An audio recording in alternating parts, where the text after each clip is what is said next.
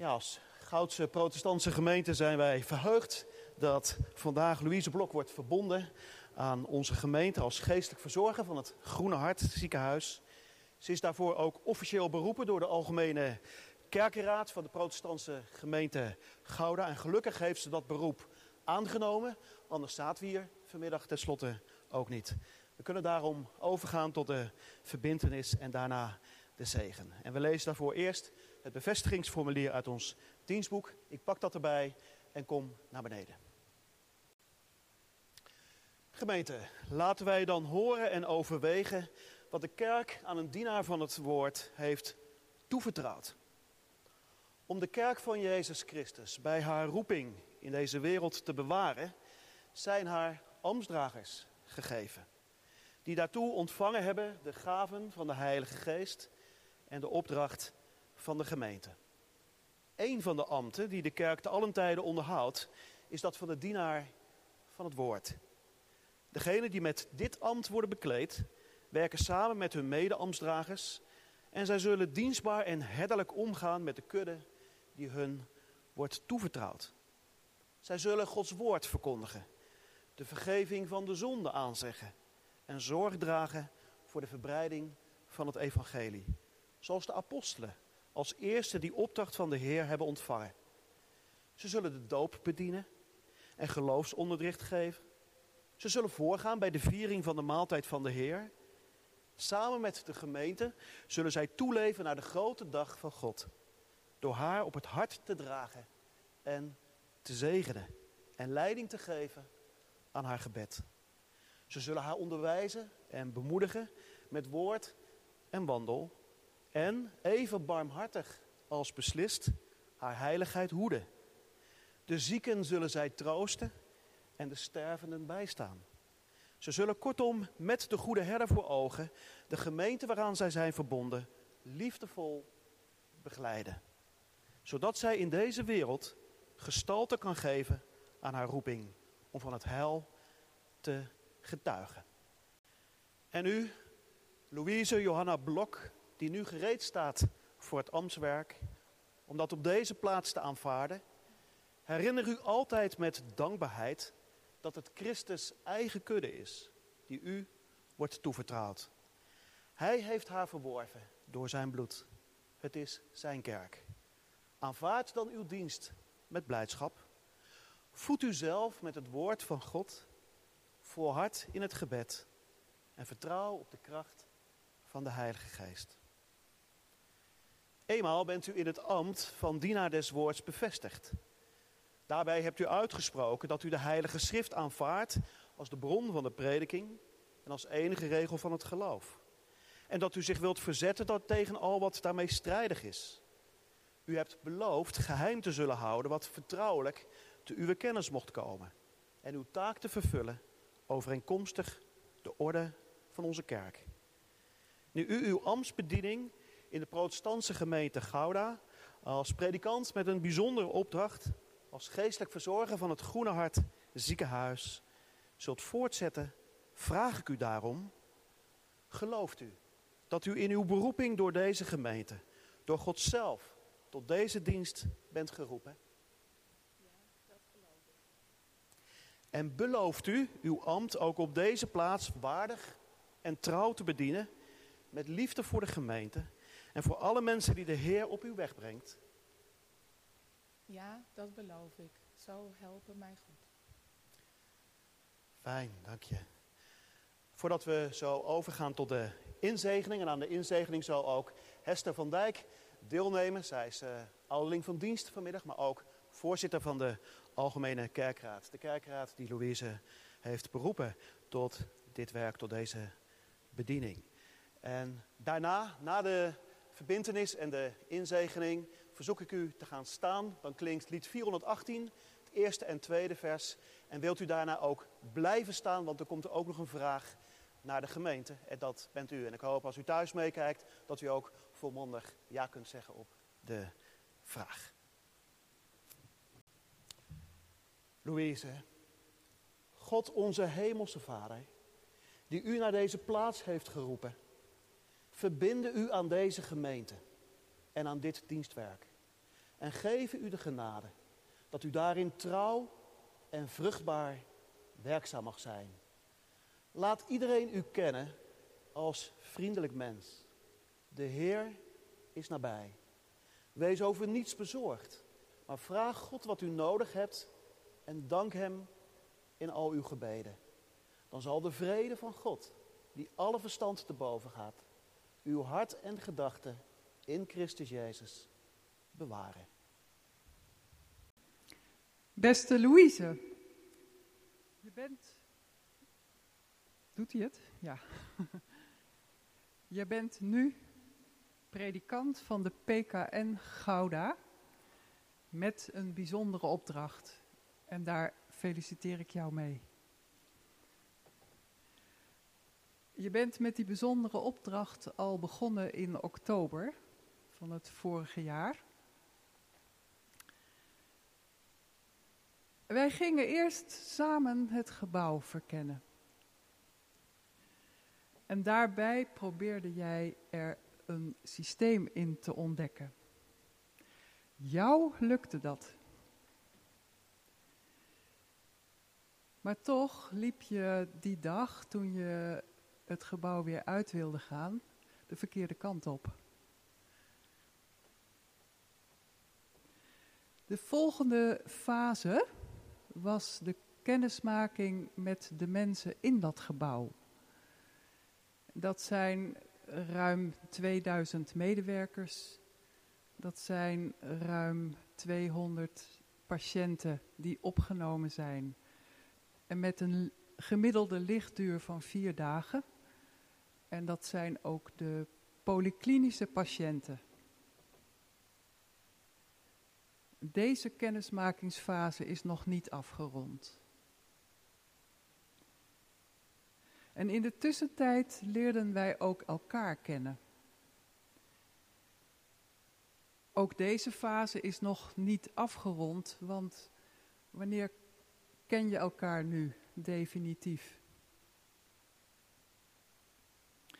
Maar het verloopt soepel en we lachen veel. En hoe kan het ook anders met jouw aanstekelijke lach? Vandaag leren mensen jou een beetje kennen. Hier in deze Sint-Janskerk, maar ook de mensen die meekijken via livestream. En dat is mooi. Een volgende stap in jouw aankomst in Gouda. Jij presenteert je nu hier en je zegt daarmee, hier ben ik. En je zegt dat namens jezelf. En je zegt het ook namens het Groene Hart ziekenhuis. En dat ziekenhuis, dat lift nu vanmiddag een beetje met jou mee. En zegt samen met jou, hier ben ik. En het ziekenhuis voegt daaraan toe, ik ben open voor iedereen, want dat staat in het logo.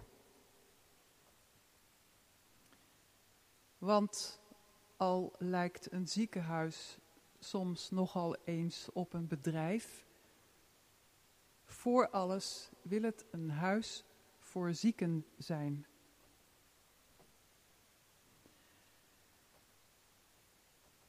Onder de mensen die jou vandaag zien hier in de Janskerk bevinden zich ook de kerkvrijwilligers van het ziekenhuis. Dat wil zeggen, een deel van hen en een deel kijkt mee via de uitzending. Deze mensen nodigen patiënten uit om de volgende dag bij de kerkdienst aanwezig te zijn. En degenen die dat willen, die worden dan door de kerkvrijwilligers opgehaald en ook weer na afloop van de kerkdienst teruggebracht naar hun kamer. Maar onze kerkvrijwilligers hebben jou nog nooit gezien en jij hen ook niet, omdat al meer dan een jaar de kerkdiensten in het ziekenhuis niet door kunnen gaan.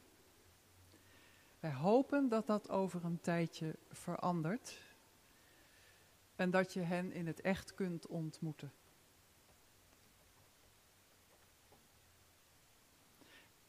En nu begint een meer bestendige fase in jouw bijzondere opdracht.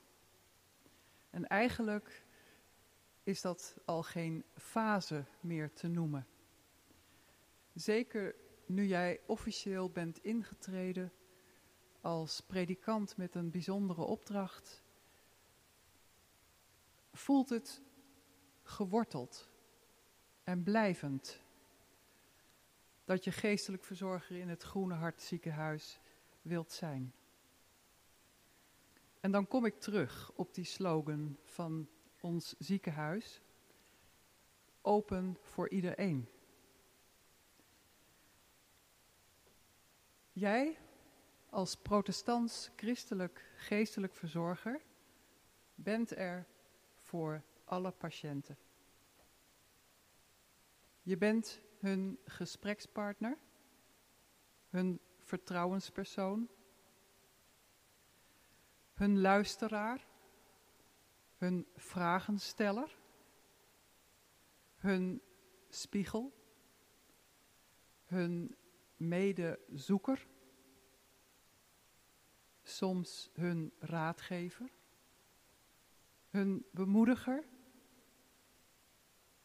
en bij dit alles hun leerling. Je komt niet vertellen hoe het zit, maar je komt bij hen zitten zodat het verhaal verteld kan worden. Met sommigen bid je Bij anderen word je deelgenoot van hun eigen al of niet godsdienstige kijk op het leven. Met weer anderen sta je samen voor de leegte van de zinloosheid, omdat het leven nu zo pijnlijk is of al zo lang pijnlijk is.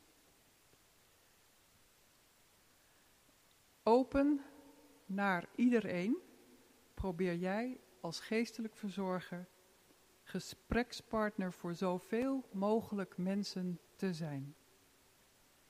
Met jouw christelijke beleidenis als jouw persoonlijke inspiratiebron. Louise, fijn dat je er bent. Dat je er voor iedereen wilt zijn.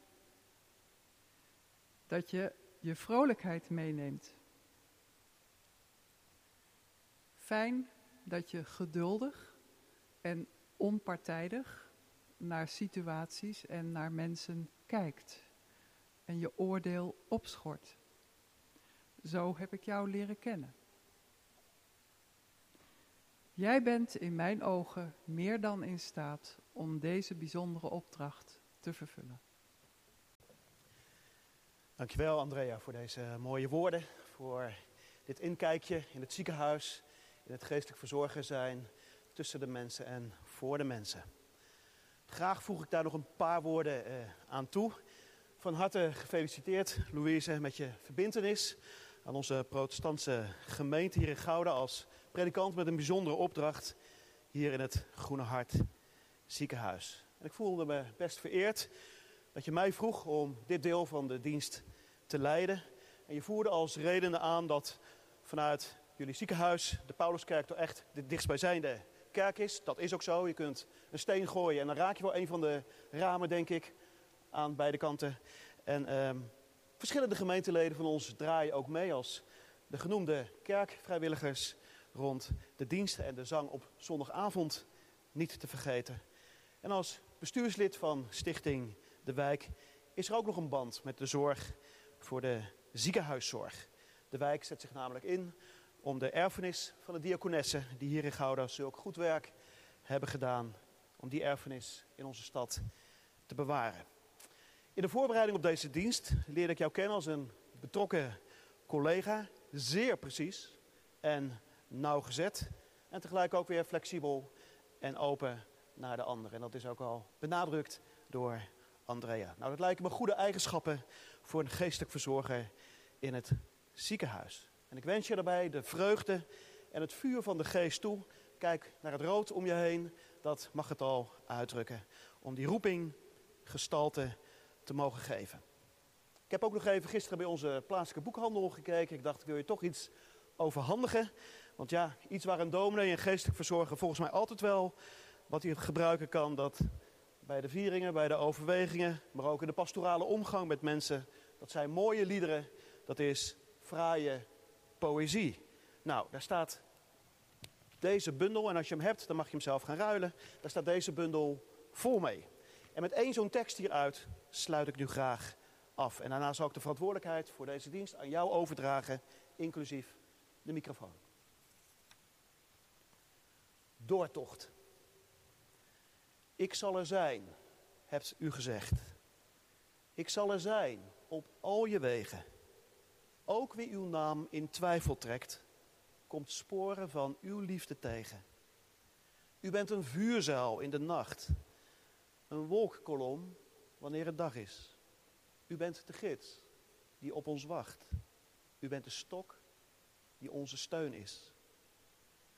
U gaat ons voor en staat ons bij, zolang de tocht ook maar zal duren. U bent een broer aan onze zij, een moeder tijdens bange uren.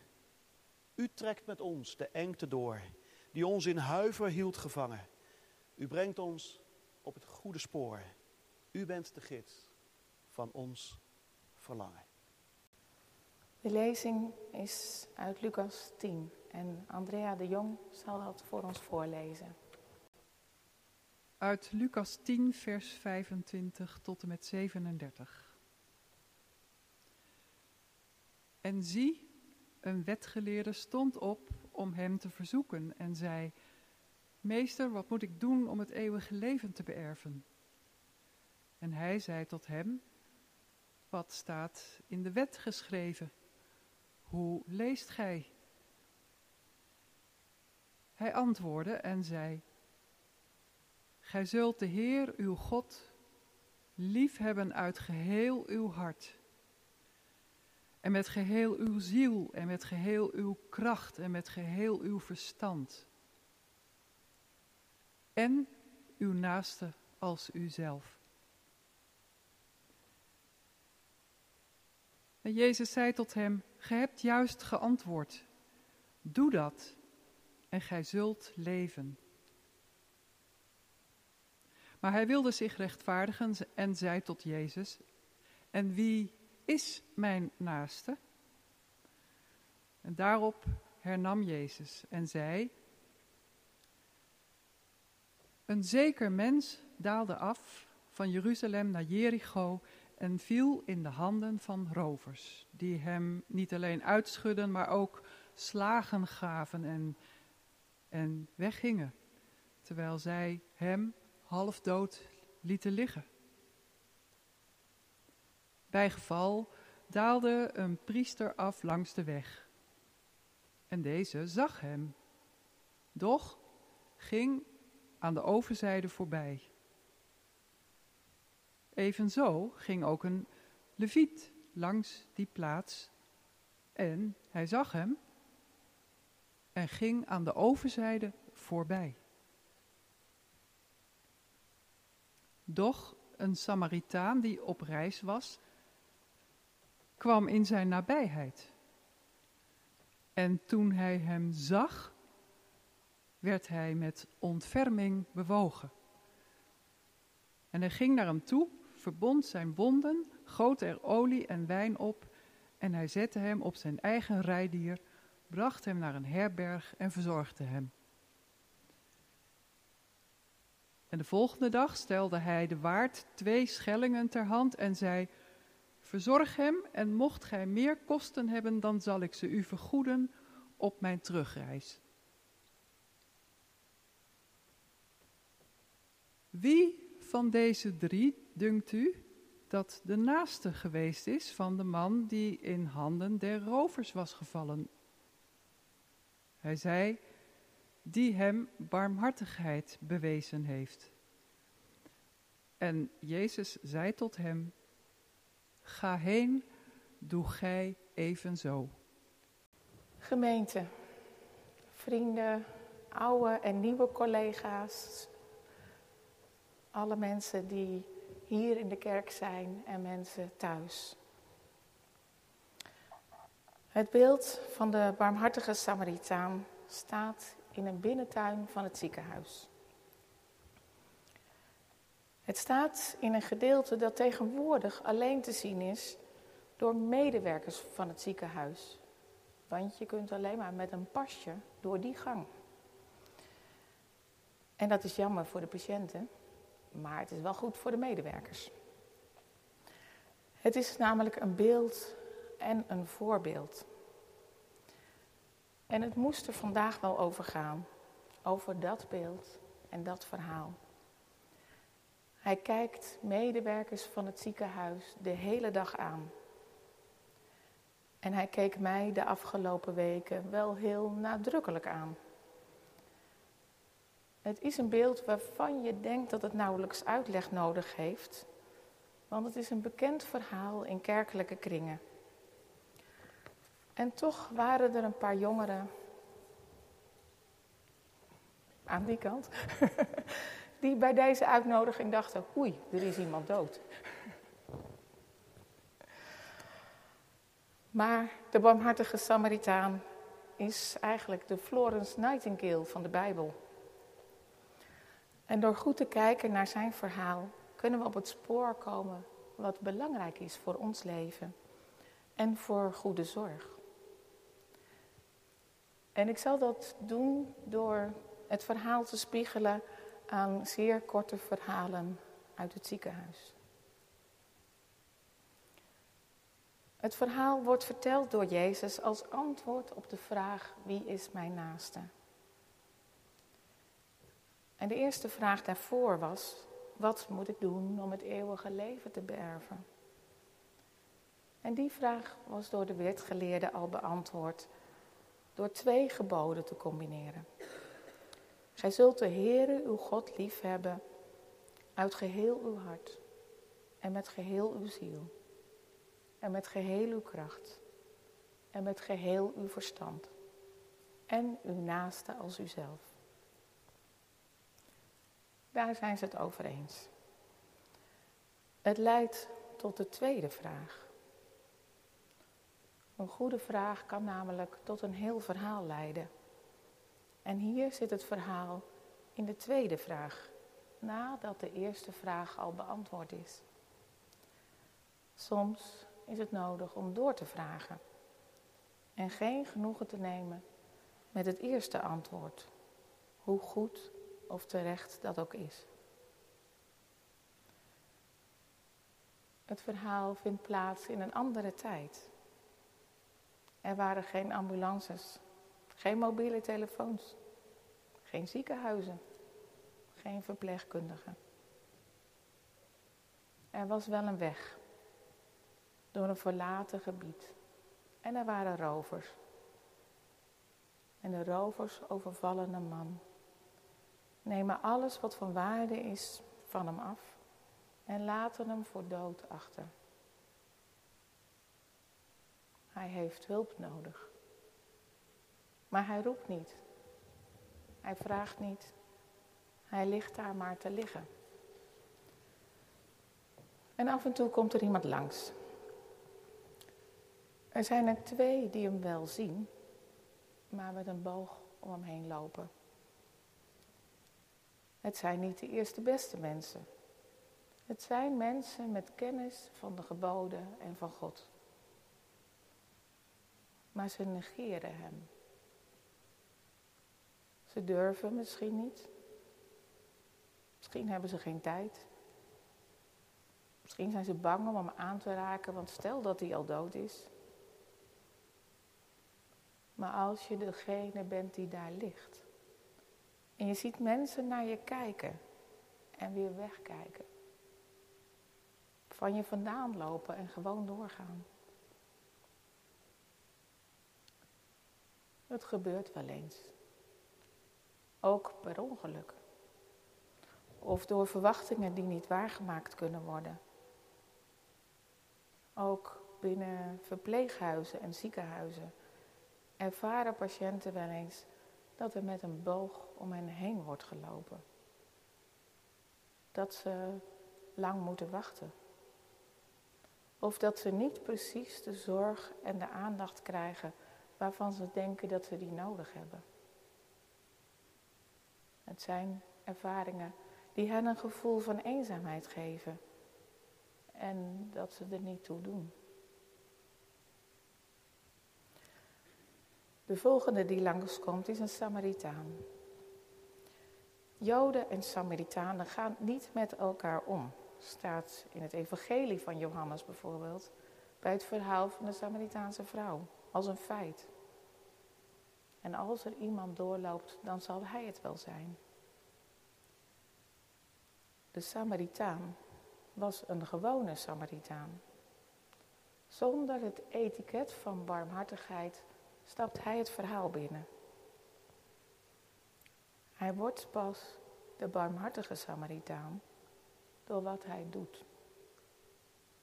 Hij ziet de gewonde man en zijn noden en die raken hem als mens. Hij kan niet meer doorlopen zonder iets te doen.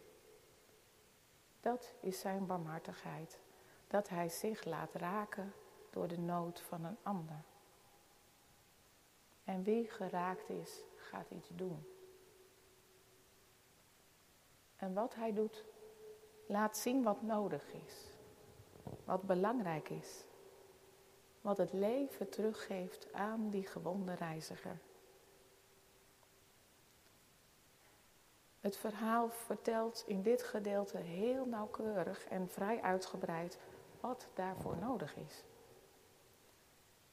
Er zijn handelingen die maken dat de gewonde man goed geholpen wordt door de Samaritaan. En als we daarop inzoomen, dan zien we wat in alle tijden nodig is om voor elkaar te kunnen zorgen. Wat barmhartigheid inhoudt en hoe het vorm krijgt. Hij ging naar de gewonde man toe en verzorgt zijn wonden. Zo begint het. Daarvoor moet hij dicht bij hem komen, zich bukken, op zijn knieën gaan om te kijken hoe het met de gewonde man gaat. Hem voorzichtig aanspreken, vragen waar het pijn doet, wat er gebeurd is. Zijn wonden schoonmaken, hem voorzichtig aanraken een schone doek om zijn wonden binden.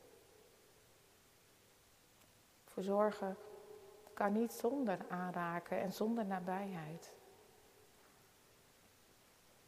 Maar juist dat aanraken en elkaar nabij zijn staat al vanaf vorig jaar maart onder druk. Op anderhalve meter afstand is het moeilijk om voor elkaar te zorgen. Om menselijk contact tot stand te brengen. En als het dan moet, dan met handschoenen en een mondkapje. Een hand geven. Een arm om iemands schouder slaan. Het is allemaal anders geworden. Verpleging, artsen, medewerkers van de huishouding en van de voeding. Ze hebben allemaal al die tijd doorgewerkt. Ook dichtbij als het nodig was. Ze hebben wegen gevonden om patiënten nabij te zijn en goede zorg te blijven geven. Goede zorg kan ook niet zonder enige mate van vertrouwen. Het hoeft niet uitgesproken te worden, maar het is wel wezenlijk. Een man van een jaar of zestig in het ziekenhuis vertelde: Zo jong als ze soms zijn, ze zijn zo professioneel en ze hebben de menselijke maat. Ik had twee weken geleden nooit gedacht dat ik me door iemand anders onder de douche zou laten zetten. En toch geef ik me nu vol vertrouwen over aan een vreemde verpleegkundige. Zorg met aandacht en rust. Dat merken patiënten en het betekent veel voor hen. Dat hoor ik vaak. Een mevrouw had gehoord dat ze plekjes op haar longen heeft en dat verder onderzoek niet mogelijk is.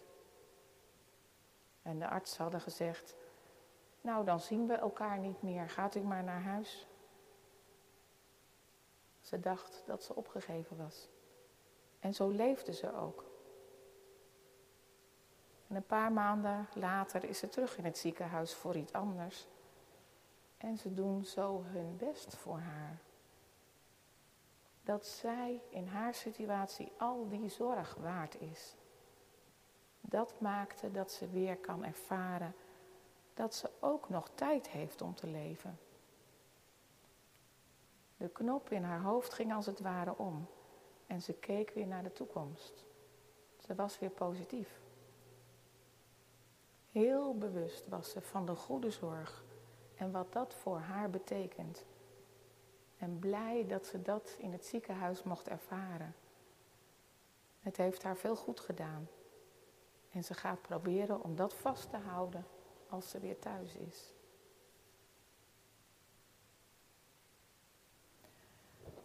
De Samaritaan zette de man op zijn eigen recht, rijdier en bracht hem naar een herberg.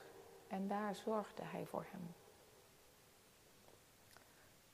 Een gewonde op een ezel of een paard zetten, dat kost denk ik heel veel kracht. En het is juist dat moment dat in dat beeld gegoten zit. Ik ben er van de week even omheen gelopen in plaats van er alleen maar aan voorbij. En toen zag ik dat nog beter dan op de foto. De Samaritaan staat wijdbeens naast de ezel, de gewonde arm, man in zijn armen. En hij tilt hem met al zijn krachten hoog genoeg op. De Samaritaan zet zelf al zijn krachten in om voor de gewonde reiziger te zorgen. Hij zet zijn eigen ezel in en veel van zijn tijd. Hij maakt zich er niet gemakkelijk vanaf. Hij gaat zelf lopen en brengt de gewonde man naar een veilige plek waar hij kan rusten en blijft de hele nacht voor hem zorgen.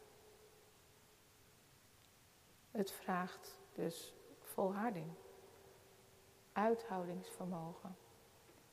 Soms verder gaan en langer doorgaan dan je contract omschrijft. In tijden van corona hebben we dat hard nodig gehad. Mensen die volhielden. Die langer door zijn gegaan dan misschien voor henzelf goed was. Gewoon omdat het nodig was. Omdat er mensen zo ziek waren en hun hulp nodig hadden. Ook voor hen geld en gold ook toen met inzet van al hun krachten en heel veel tijd. De Samaritaan beloofde de eigenaar van de herberg voor verdere, betaalde de eigenaar van de herberg voor verdere zorg, beloofde terug te komen en zei: Zorg goed voor hem. Kosten nog moeite worden gespaard. Ik weet niet of die uitdrukking hier vandaan komt, maar het zou heel goed kunnen. Het is zeker hier van toepassing. De Samaritaan heeft zelf veel gedaan. Hij heeft meer gedaan dan van een vreemde verwacht mag worden. Hij heeft een dag en een nacht voor de man gezorgd. En nu gaat hij verder op reis. Er zit een grens aan wat één mens kan doen. Je mag de zorg overdragen aan een ander. Delen met elkaar. In dit geval neemt hij de kosten voor zijn rekening en belooft terug te komen. Gelukkig worden de kosten tegenwoordig gedragen door de zorgverzekering. En die betalen we met elkaar. Maar de belofte om terug te komen, die is heel persoonlijk. Dat bevestigt zijn betrouwbaarheid. En het toont aan dat er een band is ontstaan door de zorg die hij gegeven heeft. Een band tussen hem en de man voor wie hij gezorgd heeft. Hij komt terug. Betrouwbaar zijn, doen wat je belooft. Een relatie met elkaar durven aangaan. Tussen iedereen die patiënt is en iedereen die werkt. De meeste patiënten zijn niet zo lang in het ziekenhuis, maar sommigen komen regelmatig terug. Een paar weken geleden stelde een verpleegkundige zich voor aan een patiënt en hij zei: Dag mevrouw, ik ben uw verpleegkundige vandaag. Ik heet Jaap. En zij zei: Ja, dat weet ik wel. Jij hebt mij de vorige keer getroost. Voor elkaar zorgen vraagt betrouwbaarheid en het geeft een band. De Samaritaan was een gewoon mens. Hij werd barmhartig doordat hij de gewonde man zag en zich liet raken door zijn nood. Hij kon aanvoelen wat de gewonde man nodig had en wat hij kon doen. Elkaar echt zien, dichtbij komen, verzorgen, volhouden zolang het kan, de zorg overdragen aan een ander als dat nodig is en beloven terug te komen. Eerder in het Lucas-evangelie zegt Jezus: Wees barmhartig, zoals uw hemelse Vader barmhartig is. Met dit verhaal laat Jezus zien dat het liefhebben van God en je naaste geen theorie kan blijven. En Jezus laat de vraag wie is mijn naaste omdraaien naar wie is de naaste geworden.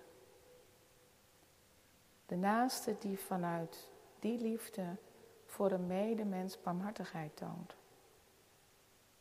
Mensen zijn naasten voor elkaar. Medemensen die elkaar kunnen zien zoals ze zijn, met hun noden en los van vooroordelen. Er is buiten de kerk veel geloof en liefde en hoop. En binnen de kerk ook. Maar buiten de kerk zeker ook.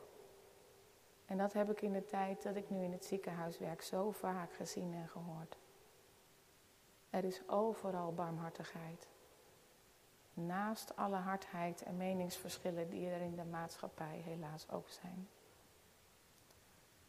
En los van vooroordelen van mensen over elkaar, over soorten kerken en soorten religies, zijn mensen ieder zichzelf en ieder de naaste van de ander.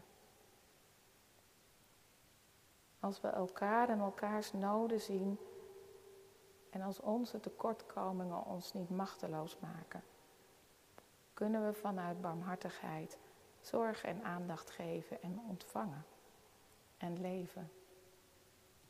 Want iedereen is evenveel van waarde voor God en voor onszelf. En als we soms geen barmhartigheid kunnen voelen of kunnen laten zien, of als het ons niet lukt om daar vandaan te leven, of als we zelf overvallen zijn door rovers, of door een ongeluk, of door een ziekte dan kan ons dat bemoedigen dat God barmhartig is en genadig, geduldig en vol van goedheid.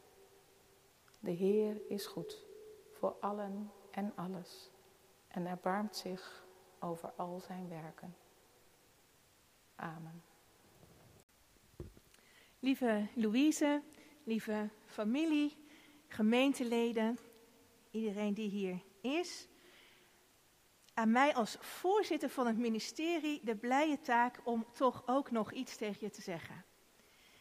En je vooral heel hartelijk welkom te heten. In Gouda, in deze kerk, in onze gemeente en vooral in de kring van de dienstdoende predikanten. Want dat is wat een ministerie is. Het is de kring van de dienaren des woords. Minister, verbum dei, divini minister. Dat is ook weer VDM, verbum divini minister. Um, dat is uh, een woord dat zowel vrouwelijk als mannelijk kan zijn. Uh, dus zo zitten wij hier met allemaal ministers bij elkaar. Een bijzonder moment dat hier in Gouda traditioneel expliciet gemarkeerd wordt in een aparte dienst in het midden van de stad met zoveel mogelijk mensen uit alle wijken en werkvelden erbij. Je zou denken, kan deze dienst niet in het ziekenhuis plaatsvinden? Nou, om allerlei redenen eh, kon dat nu niet. Is het ook fijn dat dat hier zo in het midden van de stad en van de kerk gebeurt. Nu redelijk beperkt door de bekende omstandigheden, al kunnen gelukkig heel veel mensen thuis meekijken. En het is goed, denk ik, om de bevestiging van een nieuwe predikant breed en met zoveel mogelijk mensen te vieren en te markeren. Want niemand van ons is een eiland, niemand van ons als collega werkt op een eiland. We horen bij elkaar en we hebben elkaar nodig. Zeker als ziekenhuispredikant werk je op een plek waar heel veel lijnen bij elkaar komen, waar je mensen ontmoet uit allerlei achtergronden, geloofsgemeenschappen, levensovertuigingen. En waar je uh, ja, mensen die allemaal hun eigen verhaal hebben en dat meenemen en die daarbij soms jou op hun pad vinden of jou erbij roepen. Een unieke plek waar heel veel bij elkaar komt. Een vooruitgeschoven plek misschien ook, hè, vanuit ons hier gezien. Zo midden in de samenleving, op en over de randen van de kerk en van geloof, beschikbaar voor ieder die een beroep op jou doet. En we zijn als ministerie heel blij dat zo iemand er is, dat er ziekenhuispredikanten zijn. Nou, we zijn natuurlijk vooral heel blij dat jij er nu bent en hier wilt zijn. Nou ging het vanmiddag over barmhartigheid en over de barmhartige Samaritaan. Met dat mooie beeld van het ziekenhuis op de voorkant van de kaart en van de liturgie. Ik heb me wel even afgevraagd of, of diezelfde barmhartigheid ook in deze kerk te vinden is. We hebben hier geen raam van de barmhartige Samaritaan. Het gaat hier op al die ramen die in Gouda glazen heten. Dat moet je ook even aan wennen als je van buiten komt. Het gaat hier meestal over andere dingen. Het begint vooral met vrijheid, vrijheid van geweten, van conscientie. En er vallen woorden als eenheid, gerechtigheid, standvastigheid, voorzichtigheid, matigheid. Nou, allemaal termen hè, waar de toon mee wordt gezet, deugden die ieder van ons goed doen, denk ik, maar misschien toch wat ver afstaan van jouw dagelijks werk. Gaat over politieke geschiedenis, over historische gebeurtenissen, over steden die bevrijd dan wel ingenomen worden. En natuurlijk gaat het ook over het leven van Jezus, maar dat is dan daar in het koor. Liefde en trouw, eerlijk, eerlijk is eerlijk, komen ook voor op dat eerste raam. Maar hoe dat er dan concreet uitziet, dat blijft abstract. Maar ik heb hard gezocht en toch zijn er twee glazen waarop iets van jouw werk en van het werk van barmhartigheid te zien is. Het eerste is misschien onverwacht glas 18. Als u straks een rondje loopt door het koor, dan is dat aan de rechterkant. En dat is het glas waarop uh, verbeeld wordt het verhaal van Johannes in de gevangenis. Johannes de Doper wordt de gevangenis binnengeleid, maar buiten de muren staan zijn leerlingen en vragen aan Jezus: Bent u het nou die komen zou? Of wachten wij een ander?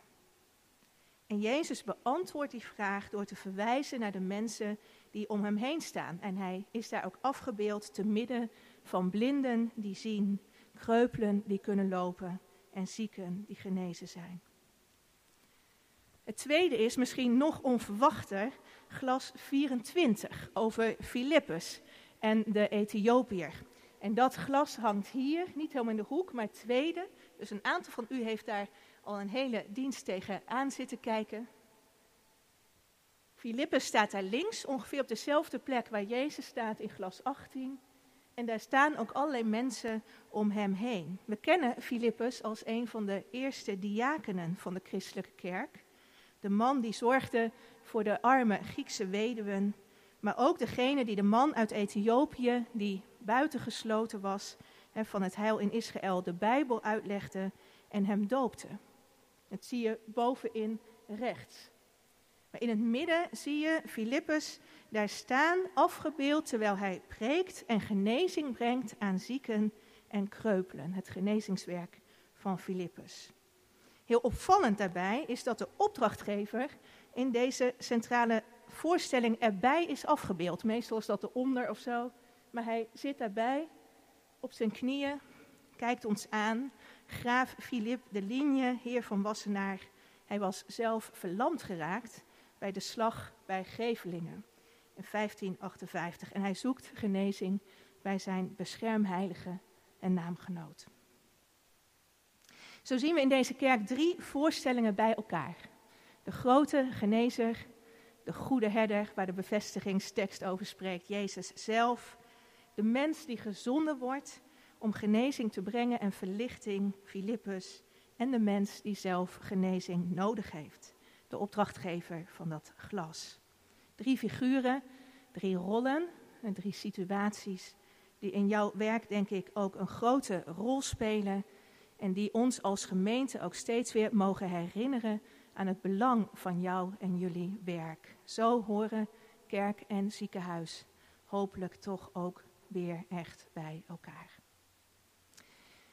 Hier in Gouda hebben we een heel breed samengesteld ministerie. Niet zomaar alleen de gewone gemeentepredikanten van de diverse wijkgemeenten, maar ook de geestelijk verzorgers en de kerkelijk werkers van de verschillende werkvelden, jeugdwerk en diaconaat maken daar deel van uit. Zo kunnen we elkaar over en weer bemoedigen, bevragen, scherp houden, samen blij zijn om wat goed gaat en bidden voor wat nodig is. Draagt elkanders lasten, zegt de schrift. En toen ik die tekst even opzocht, zag ik dat die staat in een groter geheel waarin Paulus spreekt over vrijheid en over de geest. Vanuit de vrijheid die Christus geeft, een vrijheid om ieder op je eigen manier te beantwoorden aan de roeping die je gekregen hebt. Maar ook geleid door de geest in het vertrouwen dat waar de geest leidt, het mensen en de gemeente goed zal gaan. En het koninkrijk van God gediend en gebouwd wordt. Een heel goede tekst, denk ik dus voor ons als ministerie. Dat dat niet altijd vanzelfsprekend is, weet Paulus ook. Dat draagt elkanders lasten wordt ook wel vertaald met verdraag elkaars moeilijkheden. En dus soms zijn we misschien wel onze eigen zwaarste last. Ook hier in Gouda vind je geen heilige onder je collega's. Maar wel collega's die net als jij steeds weer hun weg zoeken met de mensen en met God. En vandaag klinken die vragen, die hele tekst opnieuw, waar wij allemaal bevestigd zijn, de opdrachten die ons gesteld zijn. Het viel me daarbij op dat barmhartig en beslist in één zin klinken. En van harte nodigen wij je uit om ook ons even barmhartig als beslist steeds weer bij onze gezamenlijke roeping te bepalen. En we hopen natuurlijk op onze beurt ook iets te kunnen bijdragen aan de vervulling van jouw ambt en dienstwerk in ons meedenken, meeleven en in ons gebed. Hartelijk welkom, veel vreugde en zegen in je werk. Ik dacht, zal ik het doen? Um, Louise, dat hebben een aantal mensen al gezegd, die houdt heel erg van alles regelen.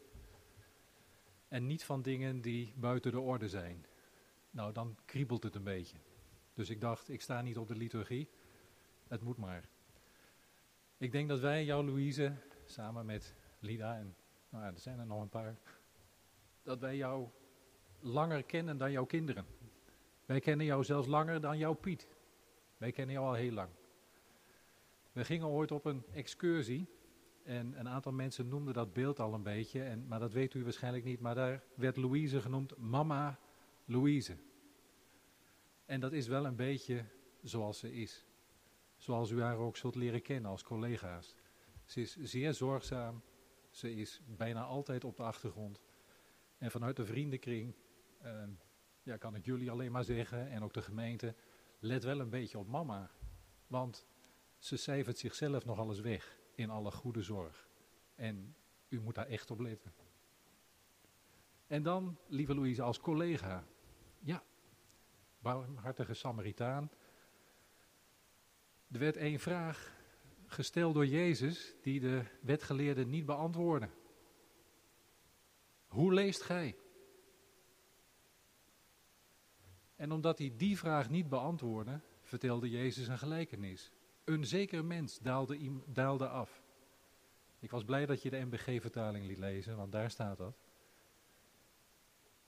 Iemand stelt een vraag naar het eeuwig leven, naar de naaste.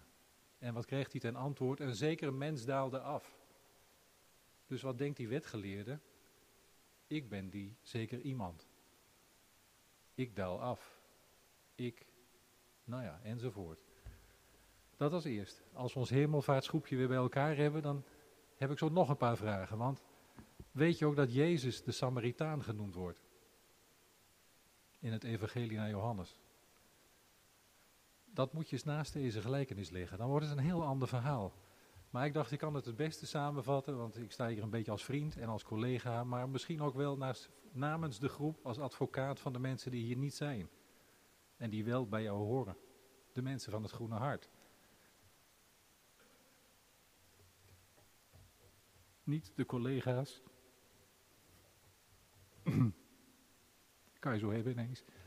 Maar misschien wel die mensen voor wie je er bent. En ik, ik, ik, ik zocht naar de, in de preek of ik het je zou horen zeggen. Maar de barmhartige Samaritaan, hoe word je barmhartig? Daar had je het over. Die zeker iemand moet afdalen. En je hebt zo'n prachtig beeld laten zien. En ik vond het eigenlijk geweldig mooi dat je er alleen met een pasje kunt komen. Volgens mij hoort het achter slot en grendel alleen voor ingewijden. Alleen voor mensen van het ziekenhuis. Mensen die daar komen voor hulp, die weten al lang. Die kennen dat beeld. Maar mensen die daar werken, die moeten vaak voor dat beeld gaan staan en kijken. Hoe leest gij? Wie ben jij in dat beeld? Ben jij die barmhartige Samaritaan? Of ben jij diegene die gedragen wordt? Wat is de gelijkenis? Hoe leest gij? Ik wens je de zegen van het medelijden. En een hele goede tijd. Bijhouden in de gaten.